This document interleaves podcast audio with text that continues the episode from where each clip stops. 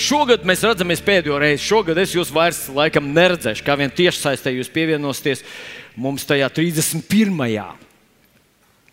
Un man jāsaka, godīgi, ka es tā, nu, nu tas nekādus unikālus vārdus jums nepateikšu. Tiešām ar tādu lielu atbildību gribēju pienākt šim dievkalpojumam. Un man gandrīz gribētos pateikt, kungs, man gribētos pateikt eh, cilvēkiem tādu, nu, tādu gada sprediķi, pēdējo sprediķi. Un es iesākšu ar to, ka cilvēku dzīvē ļoti bieži notiek vis visādi pārpratumi. Ilza aizgāja ar, ar savu, ne mana māsa, bet uh, viena cita Ilza aizgāja ar savu vīru uz, uz restorānu.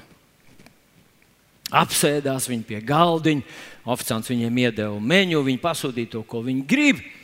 Un pēc tam notika tas, kas notiek parasti. Viņi izblēņš apkārt, ko ēd citi, nu, ko, ko šie pasūtījuši, ko viņiem nes, vai nav kāds paziņa apkārt. Sieva skatās, skatās, un pēkšņi viņa saka savam vīram, vīrs, nu, paskaties, tur pie tā blakus galdiņa. Tā ģimene ir mūsu gados. Paskatieties, kā tas vīrs tur viņas rokas, skatās viņas acīs, klausās, ko viņa saka viņam. Vai tu tiešām tā nevari?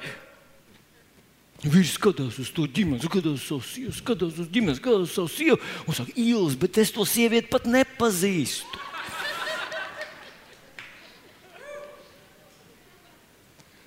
Jūs zināt, tie pārpratumi radās uz līdzenas vietas. Līga jau pieminēja, mēs mājās ieslēdzam, tagad Spotify ir tas Big Band Gospel, kur Kenita Koplāna programma Walters iedziedāja. Te bija, bija viss tas mirāžs, džēzus, orķestra. Un es te biju. Es, te biju, es to visu redzēju. Un tas bija, tas bija, nu, tas bija iespaidīgi. Tas bija, tā bija Tas, ziniet, tā bija tīra, kristīga un māksla.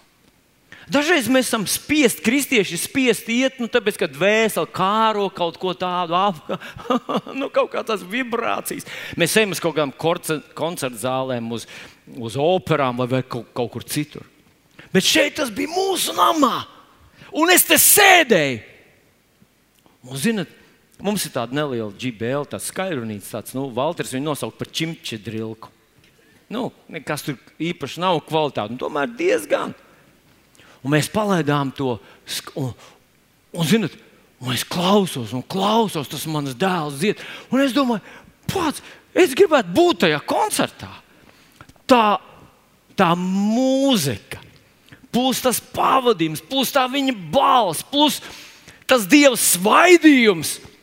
Ziniet, tas bija. Un es sev teicu, Vilni, kas notika ar tevi? Tu taču tur biji. Kāpēc toreiz tu nebiji tik šausmīgā sajūsmā? Es klausos mājās, asaras tek, slavēju Dievu, liekas, debesis nolaidušās. Bet es tur biju. Un zini, ko es secināju? Es secināju, ka, ja cilvēks, un vēl vairāk kristietis, un, protams, par nekristieti vispār nerunāsim, Ja viņš vadās savā dzīvē tikai no savām fiziskajām miesas sajūtām, viņš dzīvo tā kā akls un kurls. Esmu runājis ar vīru, kurš, kurš saka, man problēmas izlaiž, skatos uz citām sievām. Es saku, kāpēc tu skaties uz citām sievām? Viņas, viņas jaunas. Es saku, bet tu taču apprecējies, tev sieva bija jauna. Viņš saka, zini, man tāda sajūta, ka viņa visu dzīvi ir bijusi tāda, kāda viņa ir tagad, 70 gados. Un man bija jāsaka, tā miesa ir tik kurla un tik akla, ka tās bagātības, kuras viņam bija dotas, viņš vienkārši nav redzējis. Viņš tur bija, viss tur atradās, visu to baudīja, bet neko no tā nav sapratis. Un, zinot, man izbiedē, man izbiedē arī Nu, es pieminēšu vēl, es jau trešo reizi noskatījos šo Ziemassvētku dievkalpojumu. Pagājuši divas dienas tikai. Bet man likās, vai es tur biju vai nebiju. Un es tur biju. Ziniet, ko es biju, nosk... biju ģenerāla mēģinājumā. Un es klausījos, ne, nu bija forši. Es biju tajā dievkalpojumā, un nu dienu man elpa brīžiem aizrāvās. Un es domāju, wow! Es domāju, ja tas neuzrunā vienu cilvēku, tad viņš ir bezcerīgs. Tad viņš jau ir, viņš jau ir atmetis Dievu, tad viņš ir aizliedzis Kristu, viņam nav glābšanas. Ja tas viņu neuzrunā, nu es nezinu, man sirds plīst puš, bet kad es klausījos to vēlreiz un vēlreiz, es domāju, Dievs, tie teksti ir nu, simtniekā, tie, tā mūzika. Viss tas salikums kopā, tie video, viss tur, tur māksla plus evanģēlijas. Dievs, mēs, Mēs dažus mēnešus atpakaļ vēl šeit visu lūdzām. Dievs dod mums iespējas, dod mums, dod mums veidus, kā uzrunāt, kā pateikt, kā to. Mums likās, ka ja vien mēs atradīsim īsto veidu, kā uzrunāt cilvēkus, viņi taču visi atgriezīsies. Bet notika tas pats, kas notika Jēzus laikā. Jēzus bija labākais sludinātājs, kādu vien vispār cilvēks var iedomāties. Un cilvēki vienkārši tur bija, klausījās, paēd un aizgāja mājās un turpināja dzīvot savu veco dzīvi. Ne tāpēc, ka Dievs neuzrunāja, bet vienkārši cilvēks savā dabīgajā miesā ir kurls un akls, un viņš neredz Dieva lielos darbus, neredz to žēlastības dāvanu, ko Dievs viņam ir piešķīris. Nu, Mēs visi zinām, ka Izraēla tautā bija simtiem gadu pirms tam bija pravietots par to, ka nāks mesija, nāks mesija, nāks mesija. Tagad mesija ir atnācis, un viņi viņu piesita krustā. Mums ar tevi gribas iedomāties, ka mēs neesam tādi. Mēs būtu atpazinuši mesiju, vai ne? Un tieši par to es šodien gribu runāt. Redziet, mēs tik daudz runājam par ko viņš mums darīs, kā viņš mūs izredzēs. Mēs esam Dieva bērni, mēs esam jauni radījumi, mēs un mūsu, un viņš ir mans un, un, un, un mani, un viņš pacels, un viņš man taisnojas, svētīs, svaidīs, viņš izredzēs, viņš grib man debesīs, viņš man sagatavojas vietu pie savu galdu. Ka lēnām vien es nesaku, un, un mīļie mani brāļi un māsas ja gadījumā man noskrien no mēles kāds tāds raupjāks vārds, lūdzu, saprotiet, es to saku mīlestībā. Bet tiešām es gribētu, ka jūs sadzirdētu, ko es nu, ar tādu gan atbildību un ar gan sirdi cenšos jums šajā rītā pateikt. Jāņem Evanģelijā 6. nodaļā ir 26. un 27. pāns kur Jēzus uzrunā cilvēkus. Jēzus uzrunā cilvēkus, kas viņu meklēja. Un viņš atšķirtos no visiem, man, nu, nu, tā es nevaru teikt, bet viņš ļoti nu, atšķirās no tāda vidusmēra nu, attieksmes. Ja viņš pēkšņi tos cilvēkus uzrunā un saka, hei, hei, nē, nē, nē, nē. Jūs man meklējat nepareizu motīvu dēļ. Dažreiz mēs arī nu, priecājamies. Nezinu, kāpēc tas cilvēks ir atnācis, bet tā labi, forši, ka viņš ir atnācis. Es kādreiz tā esmu izteicies, un cilvēks ir atnācis. Viņam ir vismaz kaut kāda, ja viņš nebūtu atnācis, nebūtu nekāda iespēja, ka viņš dzirdētu, bet viņš ir atnācis. Un labi. Un gan drīz vai man gribas atkal pateikt, ka jā, ne, man nevajag, paldies. Es, es jau pienesu dzermojumus klāt. Pat sludināšanas laikā, slavu Jēzu. Jā, lūdzu, piedodiet man sarka, sarkasmu.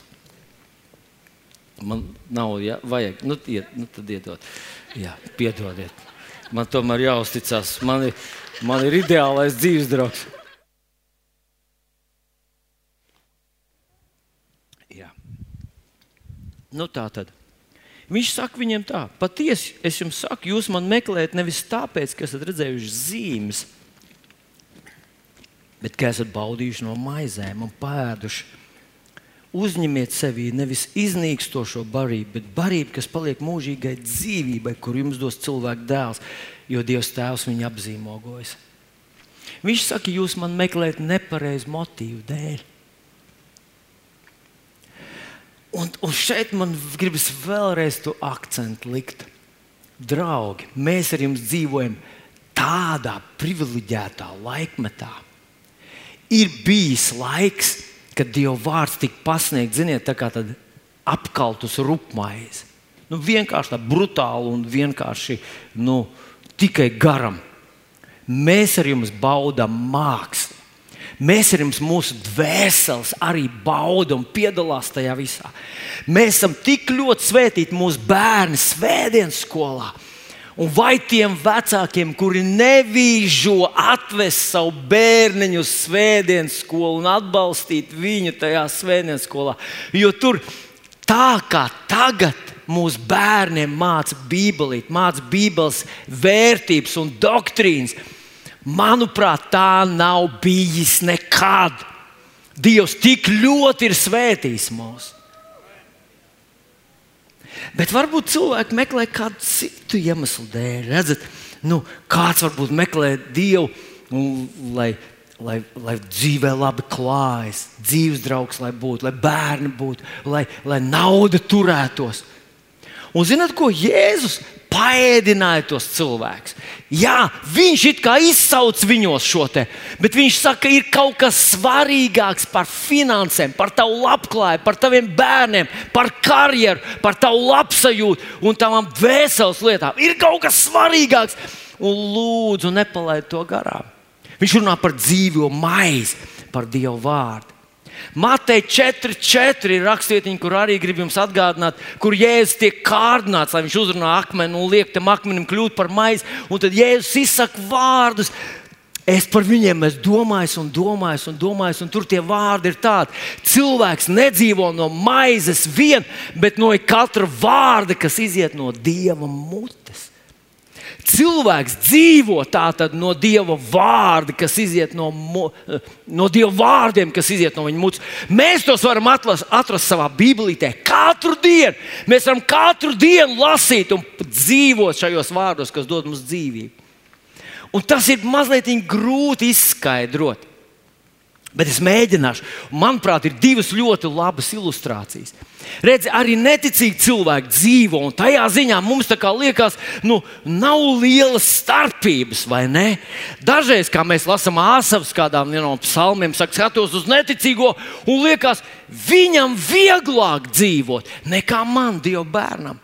Tad viņš saka, bet es aizdomājos par to, kāds gals viņus sagaida.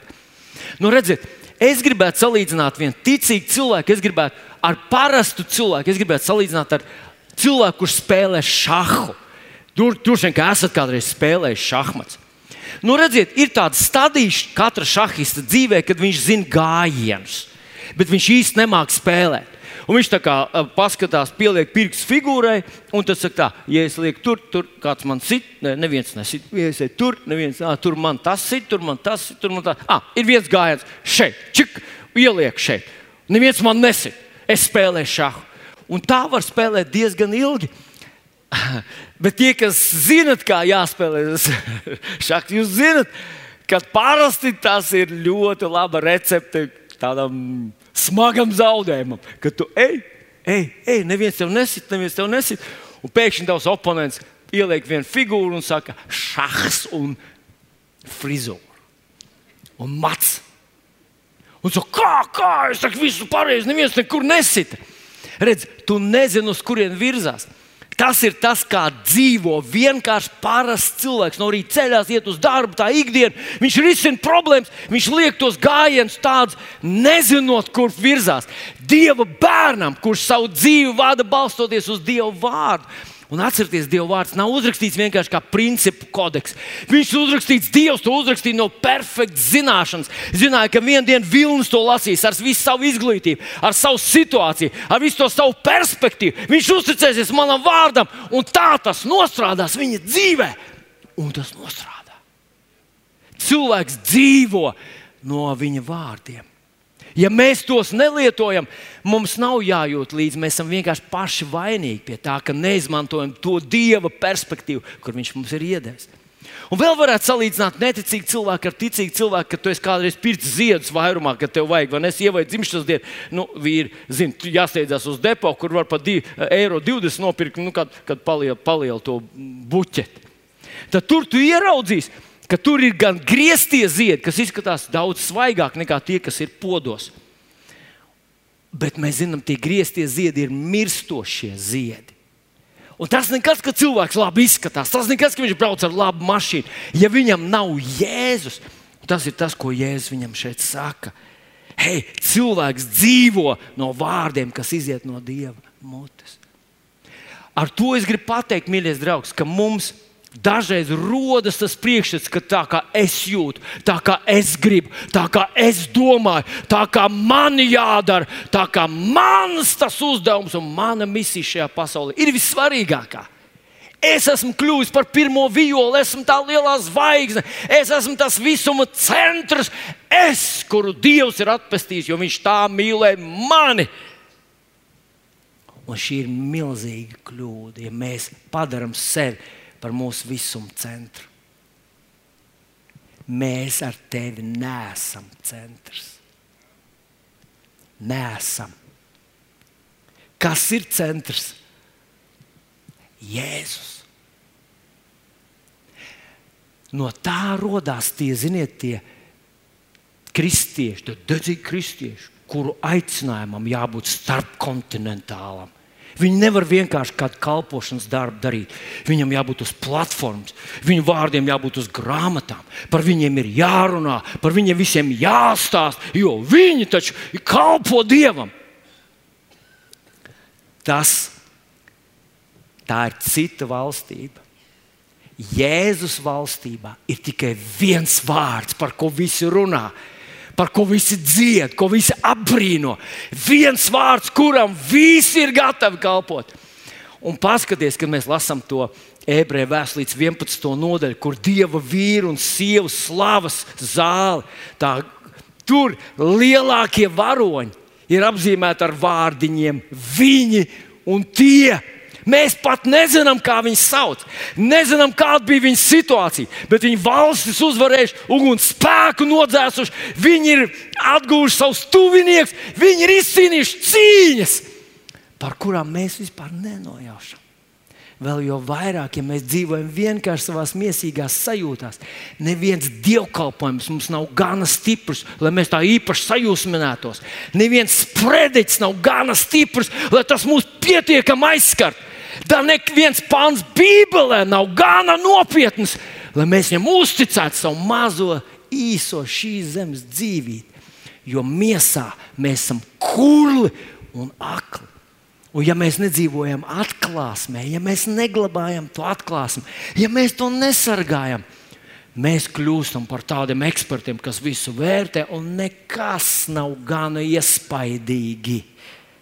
Iedomājieties, cilvēku, kas izgāja ārā no Eģiptes zemes, izgāja cauri sarkanai jūrai, izgāja cauri tūkstnesim.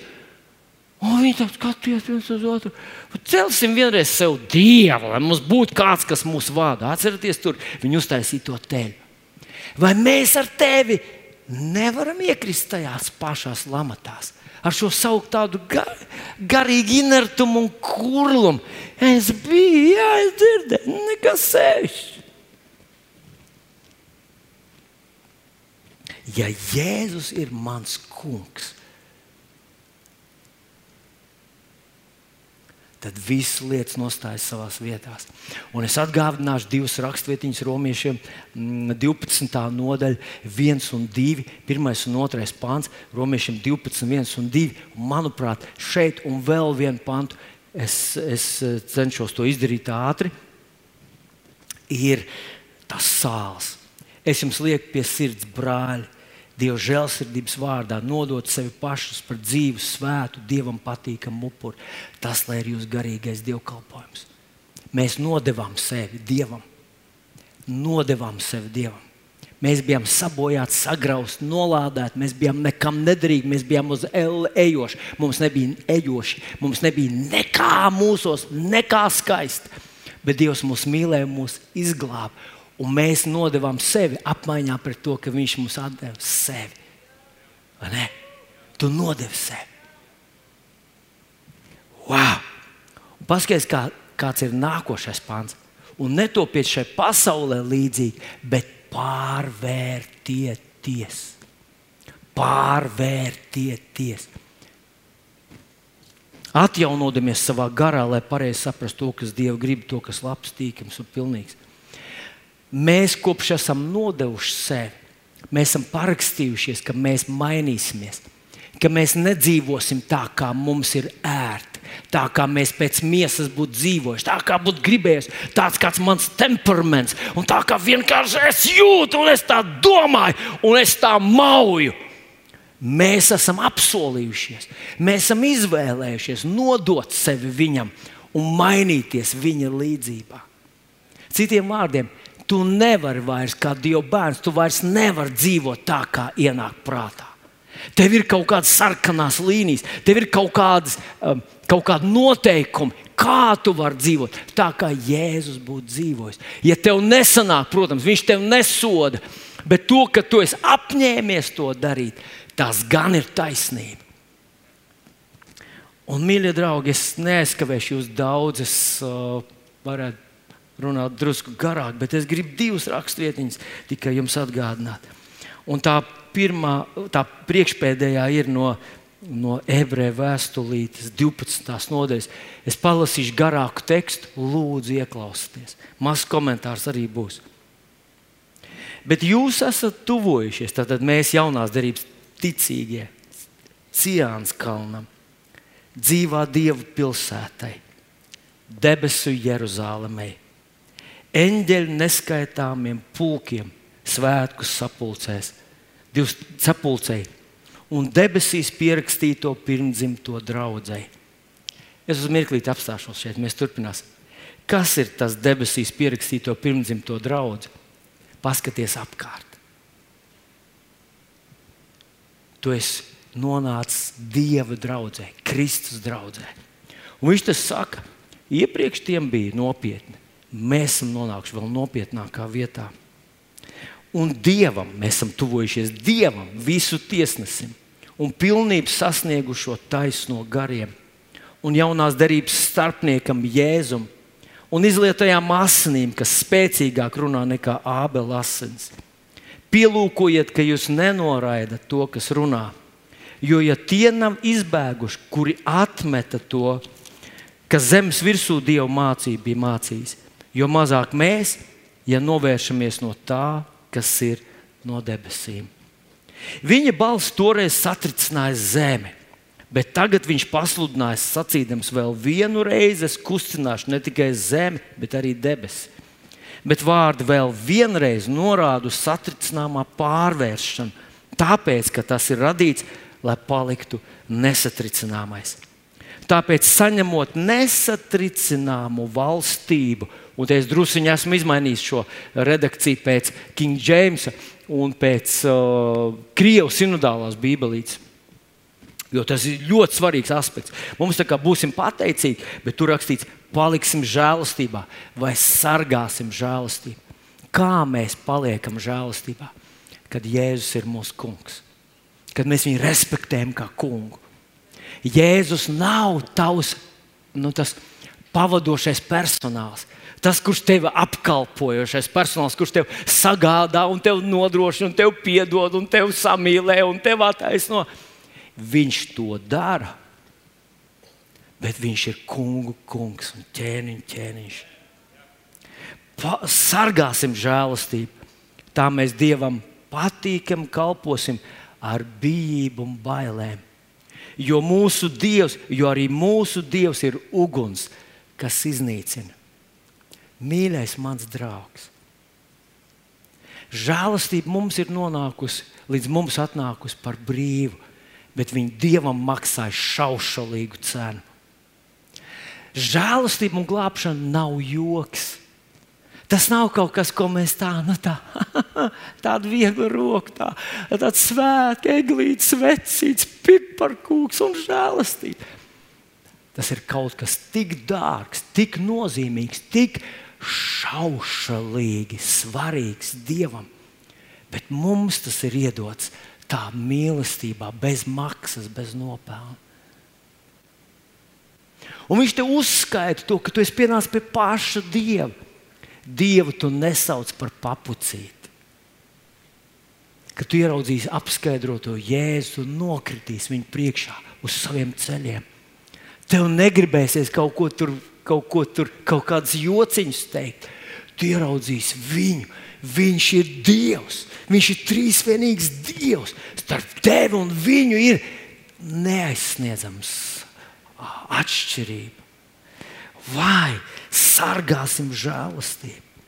Pielūkojiet, ka jūs nenoraidāt to, kas runā, jo ja viņi saņēma, hei, mēs nevaram izturēties vieglprātīgi. Mēs nevaram vienkārši maukt miesā, mēs nevaram vienkārši šaut uz visām pusēm savus īkrus. Ziniet, Ir dzirdēts par kristiešiem, kas staigā ap, at, atvainodamies. O, oh, es te pienācu, es tev te, te, es te par tevīm, te, nu, piedod man. Es biju dusmīgs uz tevi. Nu, man gribētu teikt, ka cilvēki, kas dusmojās par vakcīnām, pret vakcīnām, zaļais, sarkanais, tur ko tur, ko, vilnis tur šitā, tā. Vilnis ir tikai cilvēks. Un es te pateikšu godīgi, es neesmu sajūsmā par vilni. Bet vienā dienā Dievs vilni paaicināja kopā ar līgu kalpošanā un iecēla viņu savā draudzē. Un tas ir tas, ko viņš te saka. Jūs esat ienākuši Dieva draudzē. Hei, te, te tu nemētā ikrus! Tu te nedari tā, kā tev ienāk prātā. Tā ir Dieva draudzība. Tu negribi aizvainot cilvēku, tu negribi sāpināt, tu negribi jaukt. Jēzus ceļ draudz. Tu nevari to jaukt bez sekām.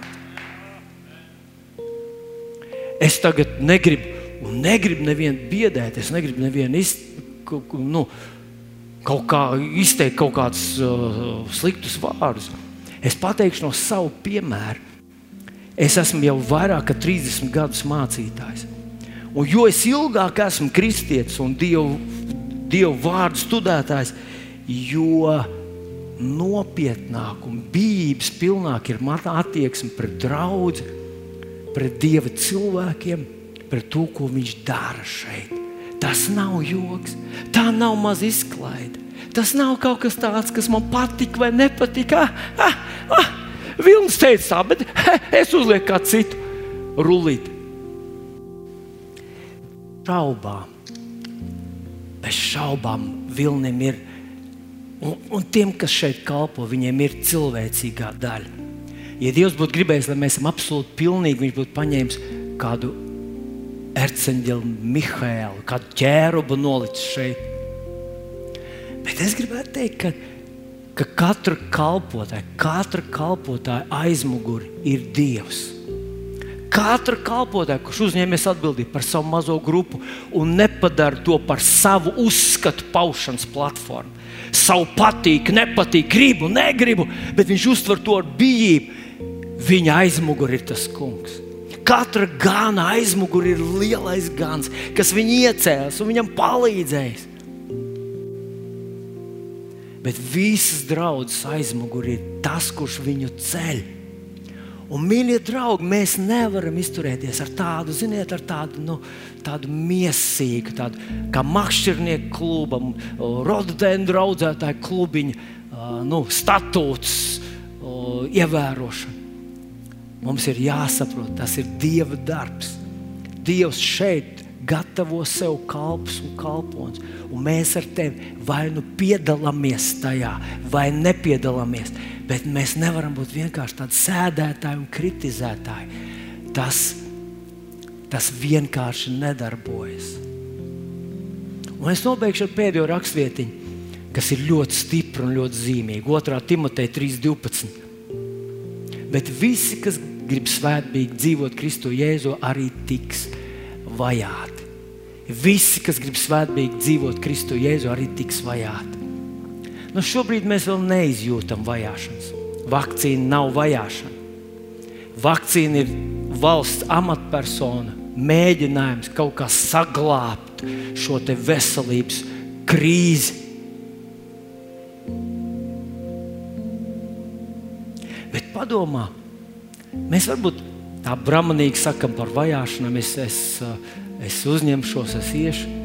Bet, ja šodien es nevaru pārkāpt savam slinkumam pāri, Es nevaru vienkārši savam vēlmei pēc komforta. Ah, es esmu noguris, ah, es negribu, ah, man, man šī tā un tā. Es negribu celt rokas, es, es par nejūtu, es negribu slāvēt, es negribu iet, tur sūtīt kaut ko, kaut kādu programmu viņi tur draudzē izdomājuši. Ah, es galīgi tā nejūtos. Varbūt tu gaidi vajāšanas, bet varbūt vajāšanām tam maz nebūs, nebūs gatavs. Es domāju, ziniet, man ir ideāls dzīves draugs. Esmu tiešām Dieva svētīts ar ideālu dzīves draugu. Bet ziniet, kas man kait, kas man traucē izbaudīt savu dzīves draugu? Mans egoisms. Un brīžiem man jākonstatē, ka tas ir uzpūties, uzbūvēts, tāds pretīgs un riebīgs egoisms. Un es domāju, Cik ir tādi cilvēki, kas vienkārši nevar aizvērt savu muti, kaut arī zina, ka miesā, kas pļauj, ka runā aplamības, ka runā vienkārši dusmas, ka runā neticība, ka runā šaubas, ka saindē citiem cilvēkiem domu pasauli un dvēseli un nevar aizvērties vienkārši savu egoismu. Varbūt, ka Varbūt Dievs būtu viņa dzīvē izdarījis daudz vairāk nekā Izraels. Es domāju, Izraels vēsture varēja būt pilnīgi savādāka. Iespējams, ka ir ģimenes, kur ģimenes dzīve, sekas, augļi būtu pilnīgi savādāki. Ja tie cilvēki vienkārši būtu sapratuši, ka esmu nodevis sevi Kristum, un man ir, ir reizes, tā kā sakariem, Dievs vienkārši aizvēra mutu ciet. Ja Dievs būtu vienmēr aizvērs kādam muti, kad viņš runā miesā, kad viņš šaujā ar vienkārši savus īkrus, savu neticību, savus nosaukšu tos par tādiem garīgiem vēmekļiem. Iespējams, ka cilvēkam vispār viņš aizmirst runāšanu.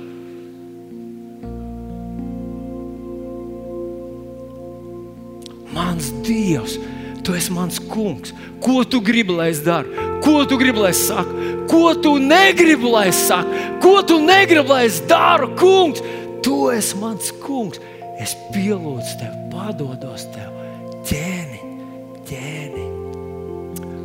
O jā, 1. Jāņa 1,9 rakstīts, ja mēs atzīstamies savos grēkos, viņš ir uzticīgs un taisnīgs.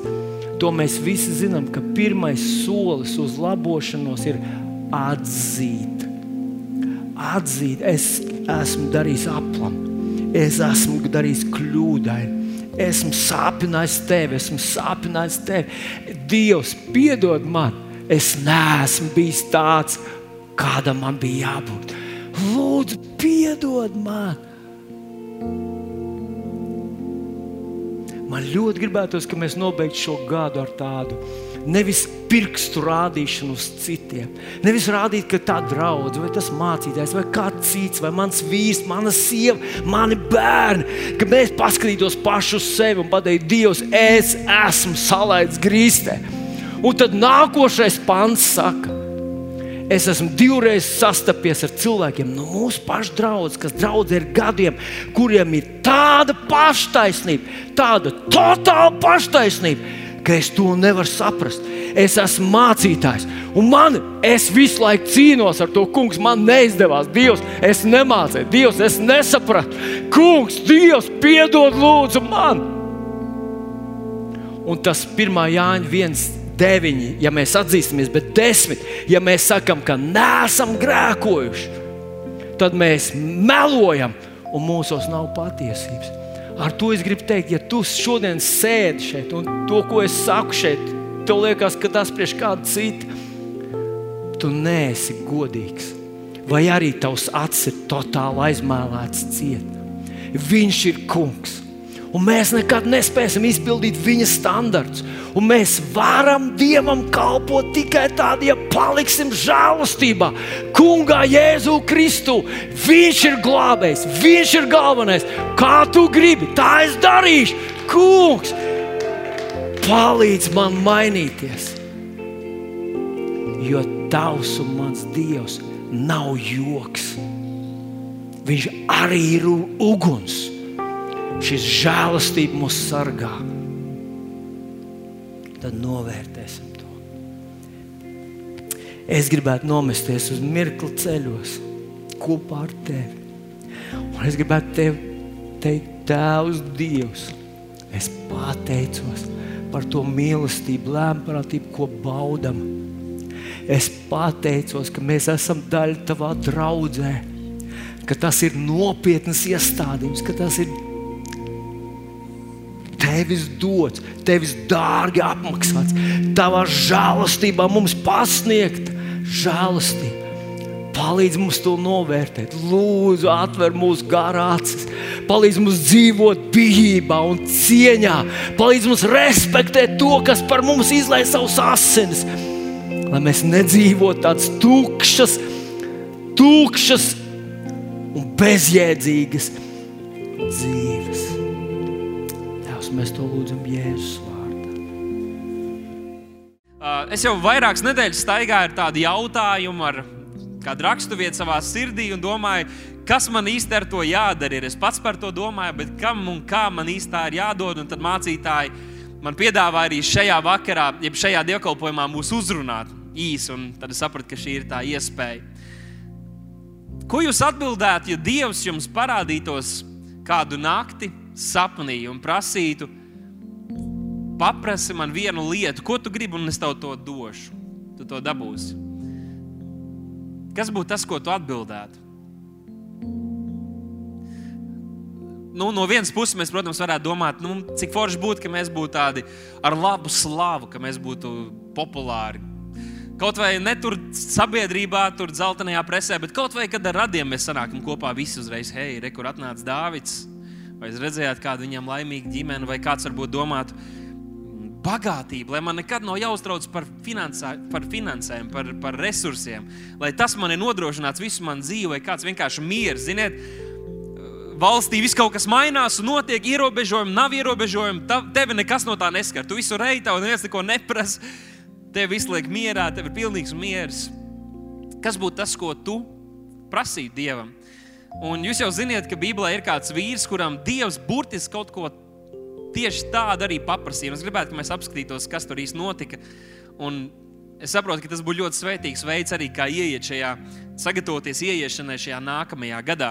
Un tā ir pirmā ķēniņu grāmata, trešā nodaļa, kur aprakstīts ir Salamans, šis jaunais vīrietis, kurš tagad kļūst par varenas tautas valdnieku. Un tad mēs lasām no 3. panta kur ir rakstīts, kaut gan Salamans mīlēja to kungu un staigāja sava dāvida ceļus, tātad viņš nebija izraudzīts tikai tam dēļ, ka viņš bija izskatīgs vai tam dēļ, ka viņš piedzima īstajai, īstajai mammai, bet redziet, viņš arī mīlēja to kungu no visas savas sirds. Viņš staigāja dāvidi, tas ir šos taisnos ceļus. Un rakstīs, tomēr viņš arī mēdza uz augstienēm upurēt kaujamos upurus un kvēpināt. Un mēs saprotam, ka viņš to nedarīja alku dieviem, jo viņš mīlēja to kungu. Bet viņš to darīja pats Viņš to darīja pats, un Dievam bija kārtība, kāda Dievs bija noteicis jau vecajā derībā, vēl viņa tēva laikos, ka tā bija lieta, ko bija jādara priesteriem, atsevišķiem kalpotājiem, bija jāupurē. Bet vai nu viņš neusticējās viņiem, vai viņam likās, es varu vēl labāk, vēl bagātāk to visu izdarīt, es pats to gribu darīt. Es nezinu, kāda bija viņa motivācija, bet mēs saprotam, ka tas nebija pareizi. Tad viņš grēkoja pret Dievu, lai gan viņš arī mīlēja, tad viņš pieļāva kļūdas. Un, ja mēs paskatāmies šīs nodaļas pirmo pantu, tur arī mēs redzam, ka viņš uh, saradojās ar faraonu, ar Eģiptes faraonu, kur atkal viņš pārkāpa vienu no dieva likumiem. Bet viņš mīlēja to kungu, bet viņš kļūdījās, viņš pieļāva kļūdas, viņš pārkāpa dieva likumus. Un tad nu, tālāk mēs redzam, ka viņš kā jau vīrs, viņš dara Viņš dodas uz Gibeonu, kas bija populārākā vieta, kur jūdi tajā laikā upurēja tam kungam, un viņš upurē kādus tūkstošus dedzināmos upurus. Tātad baig, baigījos apgriezienos viņš to darīja. Nepareizi, bet ar lielu, lielu deksmu un atdevi. Un tad 5. pantā mēs lasām, kādu nakti Gibeonā tas kungs Salamanam parādījās sapnī. Tātad tā bija vīzija, tas nebija vienkārši sapnis, tā bija vīzija, kur sastapšanās ar Dievu notika. Un tas kungs viņam sacīja, Saki man, ko lai es tev dodu? Ko lai es tev dodu? Un šeit ir tas jautājums, ko ir vērts arī mums padomāt, ko mēs teiktu, ja Dievs mums to prasa. Varbūt Viņš šodien arī to mums prasa. Un Salamans viņam saka, Dievs, tu tādu labestību, tādu svētību parādīji manam tēvam. Un šī pati svētība vēl aizvien ir arī pār manu namu un pār manu dzīvi. Bet 7. pantā viņš saka, un tagad tu, kungs, mans dievs, esi savu kalpu iecēlis par ķēniņu mana tēva Dāvida vietā. Tātad man ir, tu esi devis man aicinājumu, tu esi devis man kaut kādu uzdevumu, bet šī pazemība, tas, par ko mācītājs tikko runāja, bet es vēl esmu jauns zēns, kas nezina, kā iziet un kā ienākt. Un tavs kalps atrodas tavas tautas vidū, kādu tu pats esi izraudzījis, kas ir liela tauta, kuru nevar aplēst, nedz izskaitīt tās lielā vairuma dēļ Un klausieties, ko viņš saka. Tādēļ dod savam kalpam gaišu sirdsprātu, lai viņš varētu būt soģis, tāda pildīt savu uzdevumu pār tavu tautu. Un lai varētu atšķirt labu un ļaunu, jo kas gan lai spētu pārvaldīt šo tavu lielo tautu?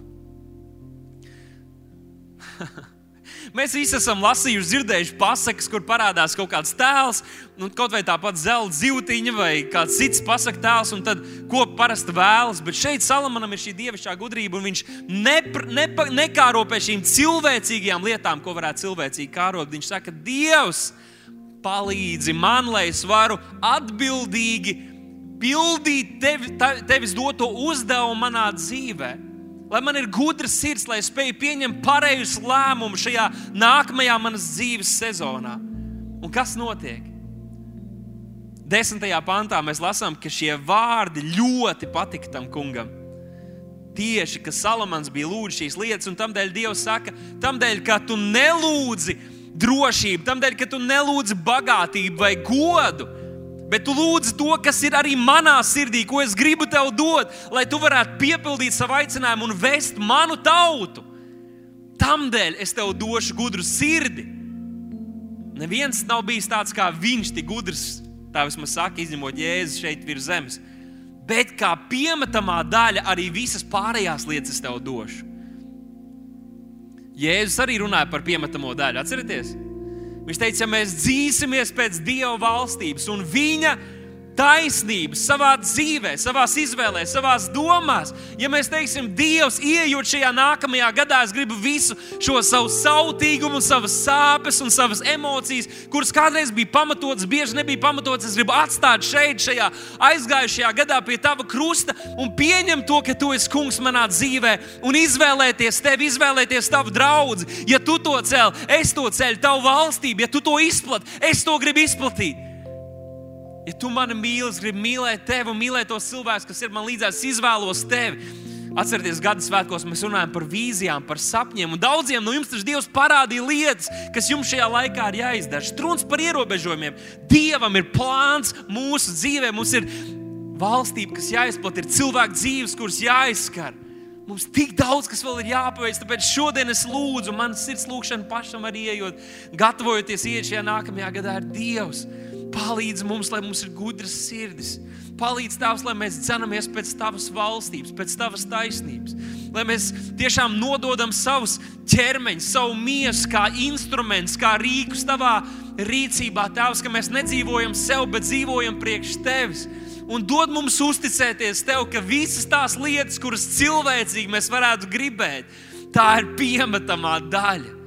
Tā ir piemetamā daļa Es izvēlos dzīties pēc tavas valstības, dzīties pēc tavas klātbūtnes, pēc personīgām attiecībām ar tevi vēl vairāk, redzēt tavu spēku un godību šajā draudzē, mūsu zemē vēl vairāk.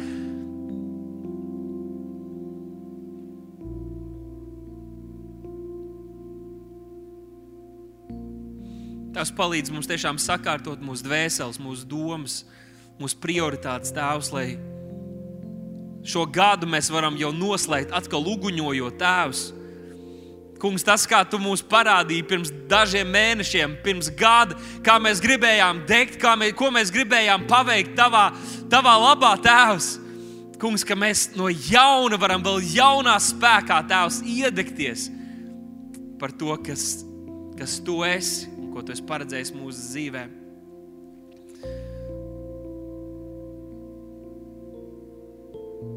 Tāpēc, ka tu neesi lūdzis bagātību, godu un visu šīs lietas, tu to visu dabūsi kā piemetamo daļu